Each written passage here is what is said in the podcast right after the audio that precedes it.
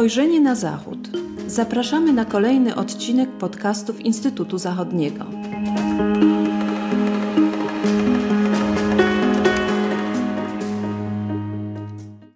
Dzień dobry, z tej strony Patrycja Teper. Witam Państwa w kolejnym odcinku podcastów Instytutu Zachodniego. Dzisiejszy podcast poświęcimy tematyce austriackiej w kontekście reakcji tego państwa na wojnę w Ukrainie. Stosunek Austrii do Rosji wydaje się niejednoznaczny. Dlatego spróbujemy dowiedzieć się od naszego analityka, doktora Piotra Andrzejewskiego, czy wynika to z neutralności Austrii, czy może przyczyn należy upatrywać także gdzie indziej. Dzień dobry, Piotrze. Dzień dobry. I istotnie, Austria jest bardzo ciekawym y, przypadkiem z kilku powodów. Pierwszy jest taki, że Austria, tak jak wspomniałaś we wprowadzeniu, jest państwem neutralnym, przez co może sobie pozwolić w przypadku obecnej rosyjskiej inwazji na Ukrainę na więcej e, niż inne państwa zachodnie. Rzeczy, które są nie do pomyślenia w Niemczech, przechodzą w Austrii. Przykładowo to właśnie kanclerz Austrii, Karl Hammer, jest jedynym zachodnim politykiem, który udał się z oficjalną wizytą do Moskwy już po rozpoczęciu pełnoskalowej inwazji. 9 kwietnia 2022 roku kanclerz Karl Nehammer udał się na spotkanie e, z Putinem i była to, e, tak jak wspomniałem, pierwsza w ogóle taka e, wizyta i jak na razie jedyna. Nehammer mógł to zrobić właśnie wskazując na neutralność Austrii i na tradycję neutralności kraju, takiego państwa, które jest mostem pomiędzy wschodem i zachodem.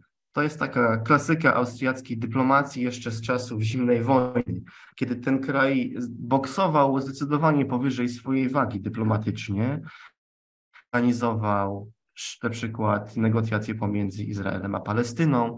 Nawet były podchody za czasów kanclerza Bruno Krajskiego, socjaldemokraty, który cztery kadencje rządził. Były podchody, żeby zorganizować rozmowy pomiędzy Koreą Północną i Południową. Także Austria zawsze będzie starała się wykorzystać jakikolwiek kryzys e, i sytuacje konfliktowe, żeby przedstawiać się jako mediatora. Co więcej, ta wizyta Hamera w Moskwie nie była specjalnie skrytykowana wewnątrz Austrii, wręcz przeciwnie. E, została ona oceniona zarówno przez media, jak i opozycję, jak i członków partii, e, członków koalicji, jako taki rodzaj dyplomacji kryzysowej, która nie, e, która nie szkodzi i nawet jeżeli nie przynosi żadnych pozytywnych rezultatów, no bo żadnych pozytywnych rezultatów ta wizyta w Moskwie nie przyniosła. Chciałbym jeszcze dodać, że Austria prezentuje taki e, inny model neutralności niż Szwajcaria, która po prostu siedzi wycofana i autentycznie nie stara się w ogóle nie angażować w żaden, e, w jakikolwiek sposób. Austriacy Austriacy prowadzą taką politykę neutralności, którą nauki polityczne określają jako neutralność zaangażowaną albo neutralność aktywną. I doskonale to widać, e, było to widać podczas e, niedawnej wizyty prezydenta Austrii, Aleksandra van der Bellena, który został wybrany na drugą kadencję i pierwszą swoją wizytę zagraniczną E, na pierwszą wizytę zagraniczną wybrał Kijów, gdzie właśnie mówił o zaangażowaniu humanitarnym i poszanowaniu prawa międzynarodowego. Jest o tyle ważne z austriackiej perspektywy, e, że to właśnie prawo międzynarodowe, poszanowanie karty ONZ jest gwarantem austriackiej neutralności. Gwałt, jakiekolwiek pogwałcenie, e, pogwałcenie zasad współpracy, międzynarod, zasad współpracy międzynarodowej Organizacji Narodów Zjednoczonych stanowi, y, stanowi niszczenie tego porządku, na którym Austria opiera swoją i państwowość, i tożsamość. No właśnie, tutaj y, sugeruję, że Austria postrzega siebie mm, jako taki most między wschodem a zachodem. A czy możemy również mówić o Austrii jako rodzaju brakującego ogniwa między wschodem i zachodem? Mam tutaj na myśli na przykład e, wpływy, wpływy rosyjskie, e, jakie są widoczne w tym państwie. No i czy, czy w Austrii również mamy do czynienia z taką woltą, powiedziałabym, gospodarczych elit e, przeciw odcięciu się od ich zysków płynących z Rosji. No i tutaj mam na myśli przede wszystkim Raiffeisenbank. Mógłbyś nam przybliżyć tę sytuację? Oczywiście. Zanim przejdę do, do, do sytuacji Raiffeisena, nakreślę o, ogólnie, jak wyglądają rosyjskie wpływy w Austrii. No, do, do, do tej pełnoskalowej inwazji wydawało się, że to właśnie Austria jest najbardziej prorosyjskim państwem w Unii Europejskiej. No teraz zdecydowanie na czoło wysunęły się Węgry. Jednak Austriacy starają się tak balansować i, i, i starają się stać w szeregu państw zachodnich, nie blokują sankcji i, i, i Niemniej jednak y, wyrażają pewne zaniepokojenie nakładanie tych sankcji. I austriacka polityka jest bardzo mocno przeżarta przez wpływy rosyjskie. To w Wiedniu właśnie Sibierbank ma swoją siedzibę i y, powiązania polityczne także są ogromne i są wielopłaszczyznowe. To nie jest tak jak w Niemczech, że koncentruje się to na, na kilku ugrupowaniach, na byłych członkach Stazji, wschodnich landach czy, czy czy właśnie kręgach biznesowych. W Austrii to sięga znacznie głębiej i praktycznie każdej partii. E, skrajna prawica, populistyczna, wolnościowa partia Austrii FPÖ ma podpisaną umowę o współpracy z jedną Rosją, czyli partią Władimira Putina. E, ale to nie tylko to, to nie tylko to. Do tego dochodzą na przykład kontakty z Handelskammer, czyli z Izby Przemysłowej, która tradycyjnie znajduje się w rękach ludowców, czyli Ludowej e, Partii Austriackiej VP. I tam także da się zauważyć bardzo silne e, wpływy rosyjskie i do tego dochodzą, do, dochodzi jeszcze szereg, e, szereg innych, innych działań, które są wielopłaszczyznowe. Pamiętamy przecież bezpartyjną, bezpartyjną minister spraw zagranicznych Karin Kneissel, na której weselu tańczył sam Władimir Putin, a teraz obecnie ona jest ustami Putina, publikująca w anglojęzycznych rosyjskich mediach. Całkowicie się sprzedała. Więc y, to jest też, można też wspomnieć y, kanclerza Wolfganga Schüssela, który y, zasiadał w Radzie Nadzorczej Rozniewtu bodajże. Tylko, że w przeciwieństwie do, do niemieckiego kanclerza Schrödera, Schüssel w momencie wybuchu inwazji odciął się od Rosjan i zrezygnował z pełnienia tej funkcji. Jeżeli taka różnica o Niemczech. Natomiast jeżeli chodzi o wspomniany bank e, Raiffeisen, to Ukraińcy zaczęli zabiegać o, o, o może nie syriacki bank. Jest on bardzo mocno, bardzo mocno obecny w Rosji, jest to dla niego ważny rynek e, i 30% przychodów pochodzi z rosyjskiej gałęzi tego banku. I problem z Raiffeisenem jest taki, że udziela on y, korzyści finansowych w postaci takich wakacji kredytowych dla rosyjskich rekrutów i dla powołanych do, do wojska oraz w kilku publikacjach uznał y, te fałszywe republiki ludowe, czyli Doniecką i Ługańską, y, jako część Rosji. Jako część, to, część Rosji. I no to wywołało zdecydowaną reakcję strony ukraińskiej, y, która zabiega o to, żeby menadżerów i członków Rady Nadzorczej Raiffeisen Bank International, żeby oni znaleźli się na, na liście osób, na które będą nałożone unijne sankcje. Zobaczymy, czy uda się to Austriakom osiągnąć. No właśnie, do tego jeszcze dochodzi e, afera wokół e, sesji OBWE. E, I tutaj, mówiąc o sankcjach, to Austria zdecydowała się zaprosić na tę sesję objętych sankcjami rosyjskich parlamentarzystów. Czy mógłbyś nam przybliżyć ten temat? Dlaczego, dlaczego tak się wydarzyło i jaka była reakcja społeczności międzynarodowej? Jest to sytuacja skandaliczna i doszło do skandalu dyplomatycznego w Wiedniu, w którym sesja OBWE została zwołana i to dokładnie w rocznicę inwazji 23-24 lutego 2023 roku. I y, warto tutaj nadmienić, że Polska, która pełniła rotacyjne przewodnictwo w OBWE pół roku wcześniej, nie zaprosiła Rosji na, na posiedzenie. Austriacy tłumaczyli się y, prawem takim, że no są, stała siedziba tej organizacji znajduje się w Wiedniu i mają obowiązek ugościć wszystkich członków, pomimo faktu, y, że część z 18-osobowej delegacji rosyjskiej y, to były osoby objęte sankcjami unijnymi i teoretycznie nie mają prawa wjazdu na teren Unii Europejskiej.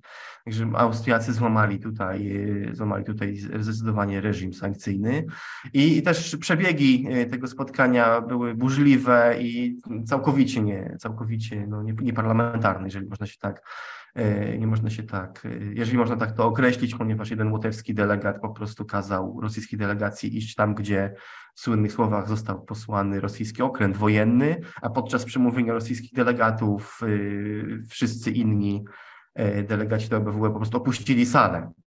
Doprowadziło do zerwania normalnych obrad, także Austriacy zdecydowanie zdecydowanie nie przemyśleli sprawy, nie przemyśleli kosztów wizerunkowych, także jakich ponoszą. Przy czym to jest pewna taka stała austriackiej polityki zagranicznej, że oni stoją w takim szpagacie Y, pomiędzy tymi wartościami zachodnimi, które są podkreślone na każdym kroku, że Rosja oczywiście pomaga uchodźcom, pomaga humanitarnie, y, przesyła na, także nie, nie, nieofensywny sprzęt militarny y, na Ukrainę, to podkreślam z jednej strony, ale z drugiej strony zawsze mają otwarte drzwi dla Rosjan i, i to jest właśnie taki typowy, typowy austriacki szpagat i i też pewna taka tożsamość międzynarodowa Austrii, która, y, która niezależnie od tego, co się będzie działo, będzie starała się podbijać swoją pozycję międzynarodową na każdym kryzysie, bo do tego y, austriackie elity polityczne, a zwłaszcza austriackie elity dyplomatyczne, są po prostu szkolone w Wiedeńskiej Akademii Dyplomatycznej. Y, I, i na, tym, na, na, tym właśnie polega ta austriacka tożsamość. To też rodzi inne problemy z kolei. W Wiedniu pracuje ponad około 20 tysięcy dyplomatów. Do tego dochodzi jeszcze kolejne kilkadziesiąt tysięcy osób, które, które zajmują się administracją, obsługą administracyjną wszystkich organizacji międzynarodowych, ambasad e, w Wiedniu. I, I wśród nich szacuje się, szacuje się, że jest od 7 do 8 tysięcy szpiegów. I austriackie państwo zupełnie sobie z tym nie radzi, nie jest w stanie tego kontrolować jest takie dziedzictwo, tak jak samo jak ta, to ten e, szpagat pomiędzy wschodem i zachodem, tak, e, tak samo to, tak samo te problemy, e, problemy z niekontrolowaną aktywnością szpiegowską na terenie Austrii to jest dziedzictwo zimnej wojny, gdzie Austria jako państwo neutralne, miejsce spotkań było właśnie takim poligonem, poligonem wojny szpiegów. To zostało do dzisiaj, to zostało do dzisiaj, no i powoduje pewne nieprzyjemne sytuacje, bo przecież pamiętamy, że ostrzegają polityczne kryzysy.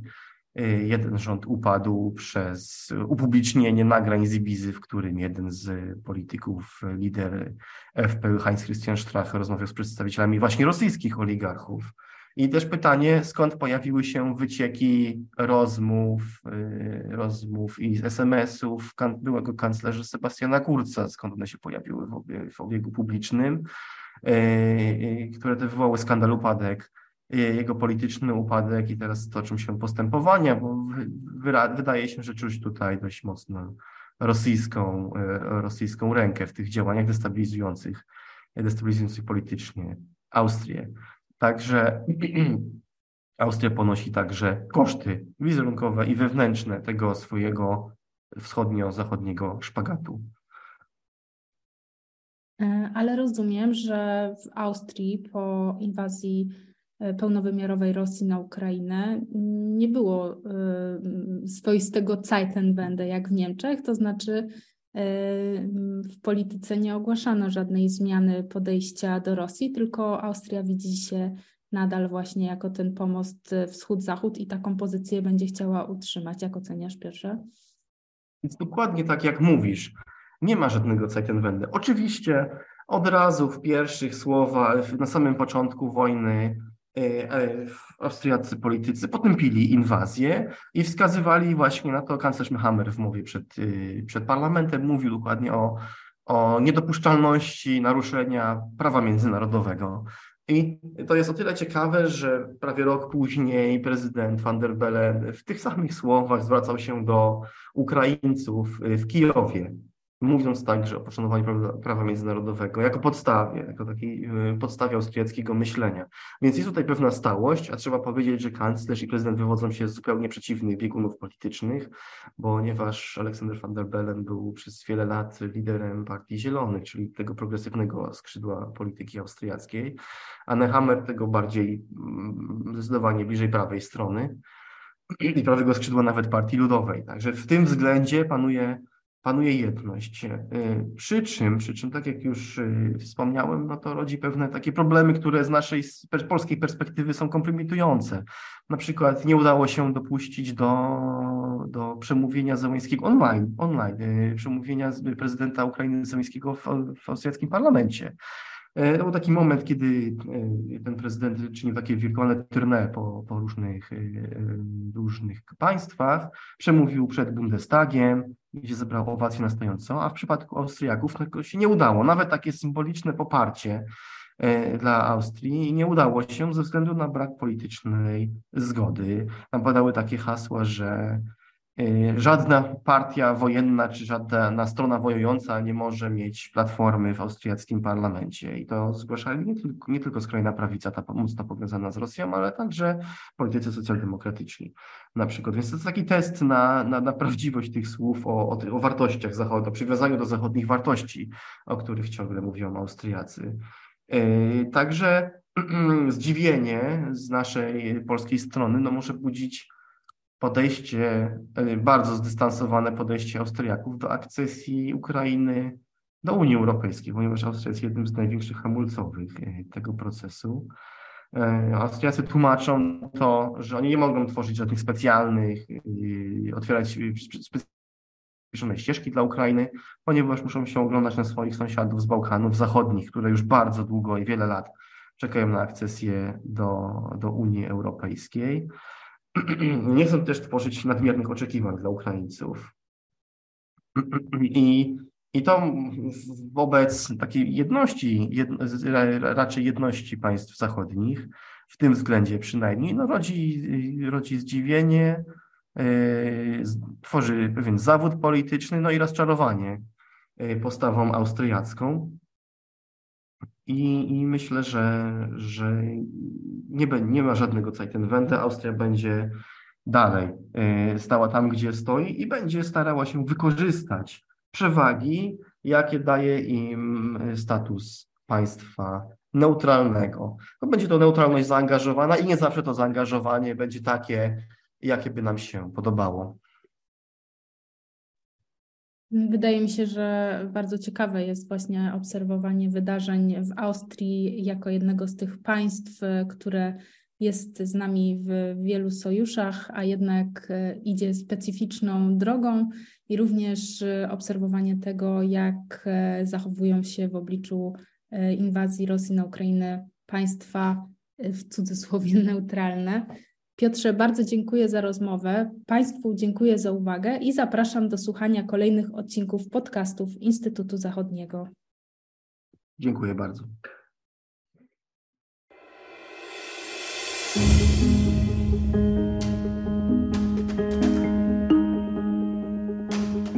Spojrzenie na Zachód.